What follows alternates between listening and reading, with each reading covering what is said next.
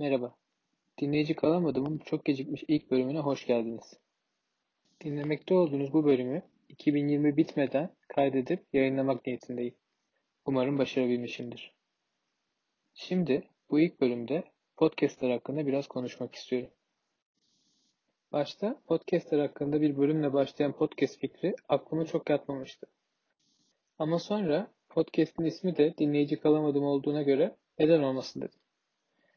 Tahmin edileceği üzere bu ismi seçmemde önemli bir faktör de kendimi görece iyi bir podcast dinleyicisi olarak görmem.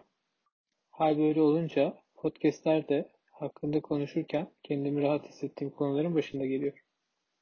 Bu konuyu seçerken yaşadığım en belirgin çekince ise bu podcast'i güncelin peşinden koşacak bir platform olarak düşünmemiş olmam. Hatta aksine güncelin dayatması olarak adlandırdığım ve sürekli bir şeylere yetişebilmek, sürekli gündemde olan şeyler hakkında konuşmak gibi bir telaştan olabildiğince uzak durmak istiyorum. Küresel salgının etkisine geçen 2020 senesinde podcastler bu kadar çok üretilip bu kadar gündemdeyken bu konuda konuşmak belki bu arzumla bir tezat oluşturuyor gibi düşünülebilir. Ama burada platformun zamansızlığına ve mekansızlığına güveniyorum. Yani şu anda dinlediğiniz bu kaydı nerede, ne zaman nasıl koşullar altında dinlediğinizi bilmiyor olmama. Bu bilgisizliğin ışığında bu konuyu şu anda yaşanan özel duruma sıkışmadan olabildiğince genel bir şekilde ele almayı planlıyorum. Şimdi isterseniz kişisel podcast dinleme mazim bahsiyle birlikte konuya geçelim. Yaklaşık 15 senedir değişen ilgi yoğunluklarıyla podcast takip ediyorum. Bu süreçte yarım yamalak bildiğim iki dilde yapılan işleri ve bunların değişimlerini takip etme fırsatım oldu. Bu geçen sürede en çok ilgimi çeken şey, başta pek özgün olduğunu düşünmediğim bu platformun zamanla evrilerek kendi özgün içeriklerini üretmeye başlamasını gözlemlemek oldu. Televizyona doğmuş biri olarak radyo programlarının yoğun olduğu, çeşitli olduğu zamanları görmedim, bilmiyorum. O yüzden gözlerim biraz hatalı olabilir. Ama başta görsel medya için üretilmiş içeriğin görüntüsüz halleri ve radyo programlarının tekrarından ibaret olan podcast içeriklerini zamanla bu ortam için özel olarak üretilmiş, bu ortamın araçlarını kullanan özgün içeriklere dönüştüğünü gözlemlemek ilgi çekici bir süreçti. Bahsettiğim bu değişimi yine takip edebildiğimden bahsettiğim iki dil olan Türkçe ve İngilizce içeriklerde yaklaşık 5 yıl arayla gözlemlemek mümkün kanımca ve bu değişimin gözle görülür seviyede belirginleştiği bir milat işaret etmek gerekirse İngilizce yapımlar için 2014-2015 senelerini ve yapım olarak da 2014 tarihli The Serial'ı seçerim ben. This is a Global Link prepaid call from Adnan Sayed. an inmate at a Maryland Correctional Facility. From This American Life and WBEZ Chicago, it's Serial, one story told week by week. I'm Sarah Koenig.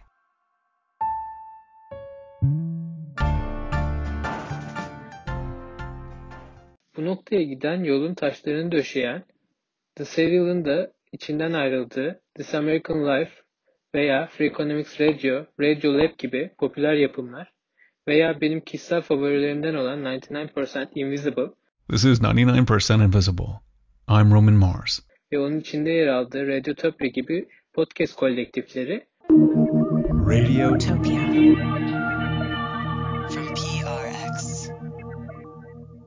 o zamana kadar radyo için hazırlanmış içerikleri podcast adaptasyonlarını sunuyordu büyük ölçüde. Ama bundan sonra 2015 senesinde mesela General Electric gibi dev bir şirketin bile Panoply ile birlikte The Message isimli yapımı imza atarak reklam yapmak isteyeceği bir platform olarak belirmiş hale gelmişti. Bu arada bahsettiğim Panoply de daha sonra Megafon ismini aldı ve 2020 yılı sonlarında Spotify'a 235 milyon dolar bedel karşılığında satıldı. Bu tek örnek bile podcast'in tek başına bir medya ortamı olarak karşılık bulduğunu ve artık büyük bir piyasa oluşturduğunu gösteriyor benim için. Bahsettiğim bu değişimin Türkçe içerikler içinse 2019-2020 yıllarında belirginleştiğini düşünüyorum.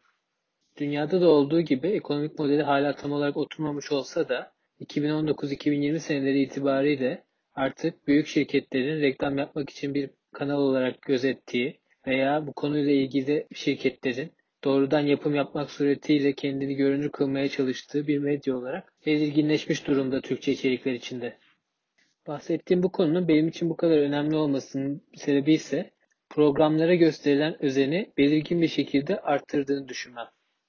Benim için podcast hiçbir zaman kaydettim ve olduğu gibi yayınlıyorum ortamı olmadı. Çeşitli video uygulamalarında olan canlı yayın seçeneği gibi kaydı başlattım, konuşuyorum ya da konuşuyoruz, sonra da olduğu gibi yayınlayacağım ortamı değil benim için. Ne kastettiğimi bir örnekle derinleştirmek gerekirse, yıllar önce Türkiye'nin en kaliteli özgün içerik üreticilerinden biri olarak gördüğüm bir kişi podcast yayınlamaya başladı. Bahsettiğim bu kişi gibi belirli uzmanlık alanlarında üretim yapan kişilerin podcast'in de içinde bulunduğu yeni medya kanallarının belirginleşmesinde ve şekillenmesinde son derece önemli rol oynadığını düşünüyorum.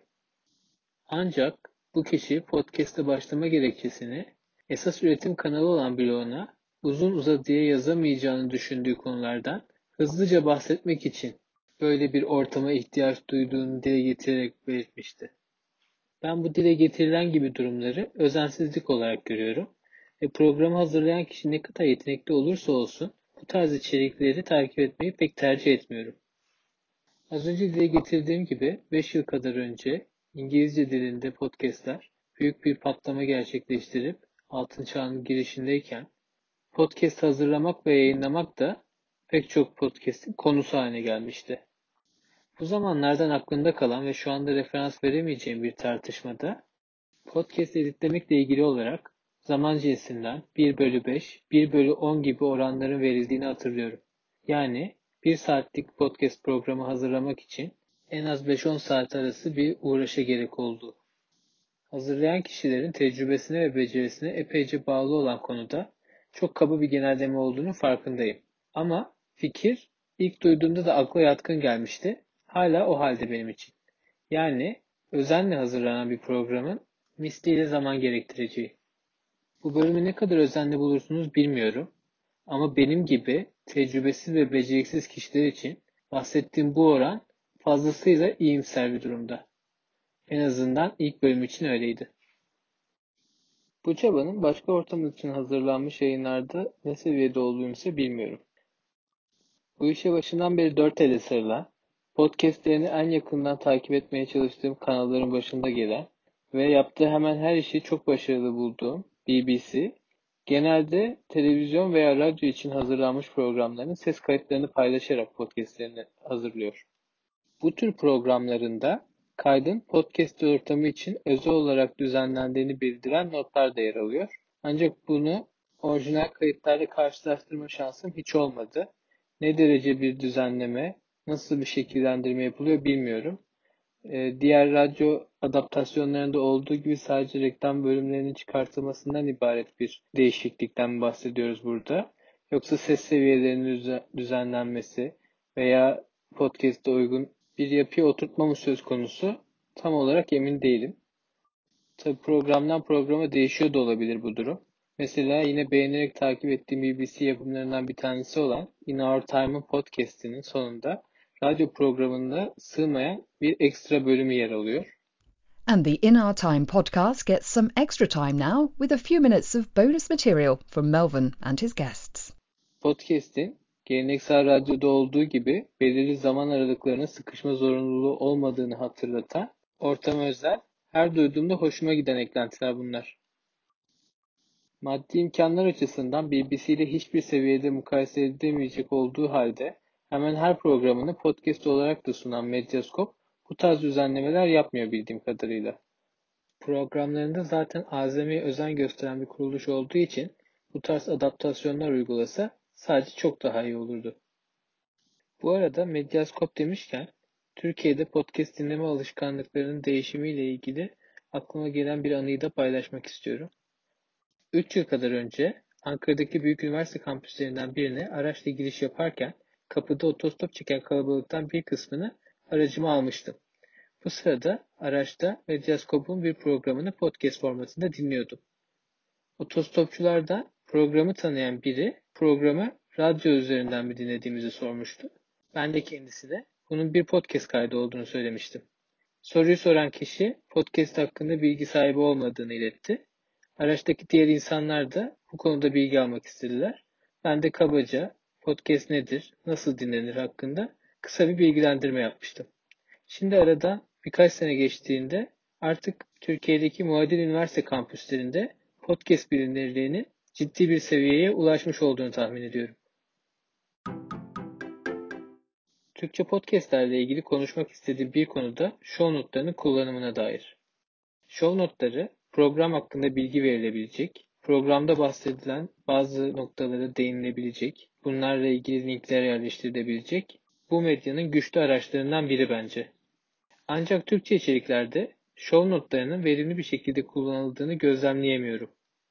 Özellikle programlarda değinilen görsel içerikleri dinleyiciyle paylaşılabilmesi için altın değerinde bulduğum bu araç aynı zamanda çeşitli reklam bağlantılarının sunulmasıyla birlikte podcast'in gelir modeli içinde de yer alabiliyor.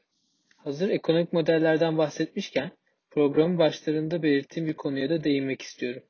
Podcast'lerin finansal modelleri hala tam olarak oturmuş gibi gelmiyor bana.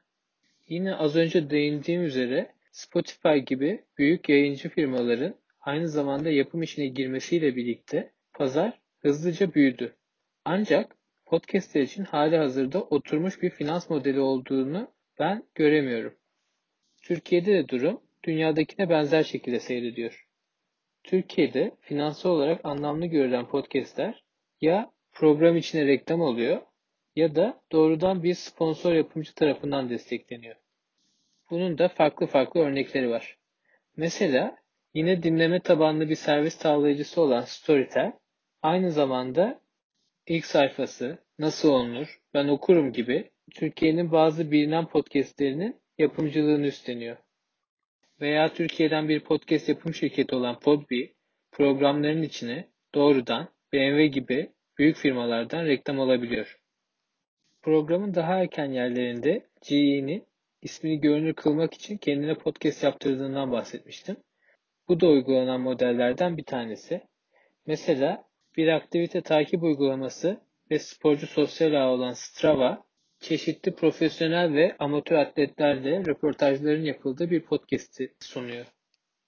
Bunların yanında çeşitli tanıtımlar için de podcastlerin kullanılmasına denk geliyorum son zamanlarda. Bunlar da ilgimi çekiyor. Mesela ücretli bir televizyon kanalı olan HBO bazı dizilerinin tanıtımı için dizilerle ilgili podcastler hazırlatıyor.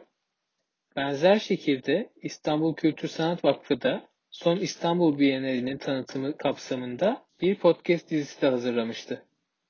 Önümüzdeki dönemde de podcastlerin bu finansal modellerinin çeşitlenmeye ve güçlenmeye devam edeceğini tahmin ediyorum. Podcast bir medya olarak büyüyüp bir ekonomik faaliyet alanı olarak güçlenirken başta bahsettiğim Radyotopya gibi podcast kolektifleri de yapım şirketlerine dönüşüyor. Bunun gördüğüm ilk örneklerinden bir tanesi Relay FM'de. The Benedict gibi dünyanın belki de en nerd podcastini hazırlayan Mike Hurley tarafından kurulmuş olan bu organizasyon geniş bir dinleyici kitlesine hitap edebilecek podcastleri bir araya getirdiği gibi aynı zamanda bunların finansal düzenleyen bir bünye görevi görüyor. Türkiye'de de bu çeşitlenmelere örnek vermek gerekirse Mediapod Podcast ağı daha çok Radyotopya gibi bir podcast kolektifi olarak belirirken az önce de bahsettiğim Podbee bir yapım şirketi olarak burada duruyor. Bu oluşumların da dinleyici tercihlerinin şekillenmesi ve dinleyicilerin yeni podcastleri bulma olanaklarını arttırması açılarından önemli olduğunu düşünüyorum. Belki başta söylemem gerekenleri şimdi sonda söyleyip sonra da programı bahsetmeden bitirmek istemediğim bazı podcastlerin adını anarak kapanış yapacağım. Neden ve nasıl podcast dinliyorum? Benim için meraktan yoğun olarak podcast dinleme ihtiyacı hissetmeme geçiş. Düzenli yürüyüş ve koşu faaliyetlerine başlamamla oldu. Sonrasında bu eylemlerin ayrılmaz bir parçası haline geldikten sonra eylem havuzu, ev işleri, araba kullanma, seyahat ve benzeri mental kapasite gerektirmeyen işleri kapsayacak şekilde geliştirdi. Başta da yürürken ve koşarken zamanımı daha verimli geçirebilirim düşüncesini taşıyan bu uğraş genişledikçe zamanımı daha verimli geçirebilirim düşüncesini zamanımı daha verimli geçirmeliyim kaygısına evretti sanırım.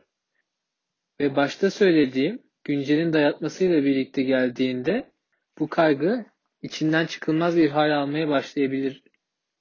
Şu anda nereye evrileceğini bilmediğim bu durum ileride tekrar konumuz olacaktır diye tahmin ediyorum. Ama şimdi bunu bir kenara bırakıp podcast dinleme alışkanlıklarıma geri dönecek olursak, dinleme sırasında oynatma hızını değiştirebilmenin çok sık başvurduğum kuvvetli bir araç olduğu düşüncesini dile getirebilirim. Bu yine daha geniş bir açıdan baktığımızda podcast'in de parçası olan yeni medyaların kişiselleştirilebilirliğine iyi bir örnek.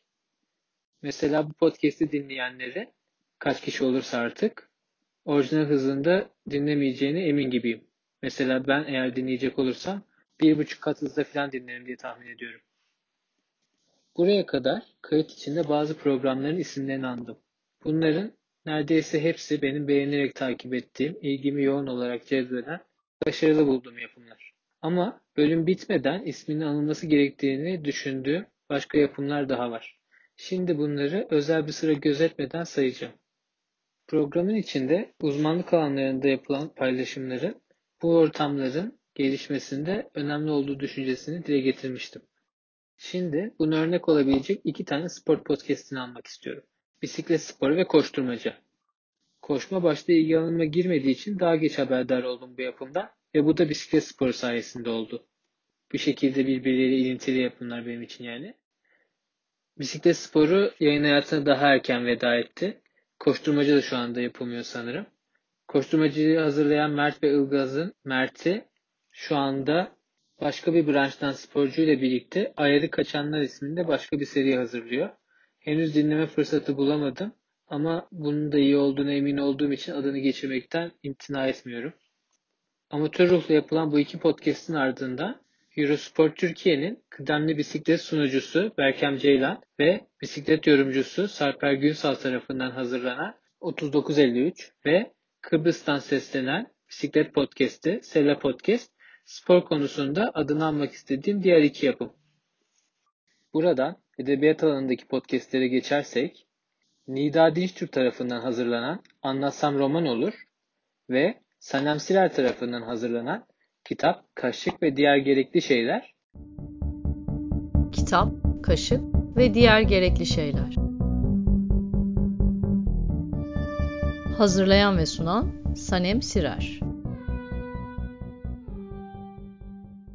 Beğeni ve merakla takip ettiğim iki yapım olarak öne çıkıyor. Bunların yanında program içinde adını andığım ilk sayfası ve Ben Okurum ikilisinin başını çektiği kalabalık bir listeyle edebiyat podcastleri çok zengin. Örneğin Ferit Burak Aydar tarafından hazırlanan klasik okumaları, Gümüşlük Akademisi bünyesinde yayın yapan Neşe Yaşı'nın Aynı Denizin Kıyısında, Pelin Buzluğ'un Paydos Vakti podcastleri Kıraathane Edebiyat Evi'nin podcast kanalı ilgi çekici örnekler. Edebiyat podcastlerinde adını son olarak anacağım yapımsa Paris'teki meşhur Shakespeare and Company kitap evinin podcast kanalı. Türkçe içeriklerden son dönemde ortaya çıkan Karanlık Bölge ve Dengem isimli iki tane arkası yarın tipi radyo tiyatrosunu andırır dizi projesi de adının anılmasını gerektiğini düşündüğüm örnekler arasında yer alıyor. Bahsetmek istediğim bir başka alansa kültür sanat yayınları ve bu konuda da biri eski, biri yeni iki tane yayın ön plana çıkıyor. Eski olan BBC tarafından hazırlanan In Our Time isimli radyo programının podcast kaydı. Yeni olansa İş Kültür tarafından hazırlanan Kahverengi Yol Panoları isimli podcast dizisi. Kültür sanat alanında iki tane podcast'ten bahsedeceğimi söylemiş olsam da In Our Time gibi program içinde adı geçmiş olsa da burada tekrar adını anmadan geçmek istemediğim bir diğer yapımda Nilay Örnek tarafından hazırlanan Nasıl Olunur isimli podcast dizisi. Merhabalar, ben Nilay Örnek. Yeni bir şeyler öğrenmeye merakta herkesin ilgisini çekebileceğini düşündüğüm Nasıl Olunur adlı podcast serime hoş geldiniz. Ve hepsinin ardından Bu bölümde adını alacağım son yapımsa podcast'in ne kadar büyük bir alan olduğunu göstermek için verilecek önemli örneklerden biri olarak gördüğüm, belki de 2020 yılının en büyük podcast olayı olarak adlandırılabilecek Michelle Obama'nın Spotify bünyesinde hazırladığı The Michelle Obama Podcast isimli yapım. Bununla birlikte bu bölüme noktayı koyuyorum. Podcastler hakkında söylemek istediklerim şimdilik bu kadar. Bu kaydı yapmak benim için ilginç bir deneyim oldu. Umarım siz de buraya kadar dinlediyseniz beğenmişsinizdir veya en azından adını duymadığınız birkaç tane podcast öğrenmişsinizdir. Dinleyici kalamadığımı dinlediğiniz için teşekkür ederim. İyi günler.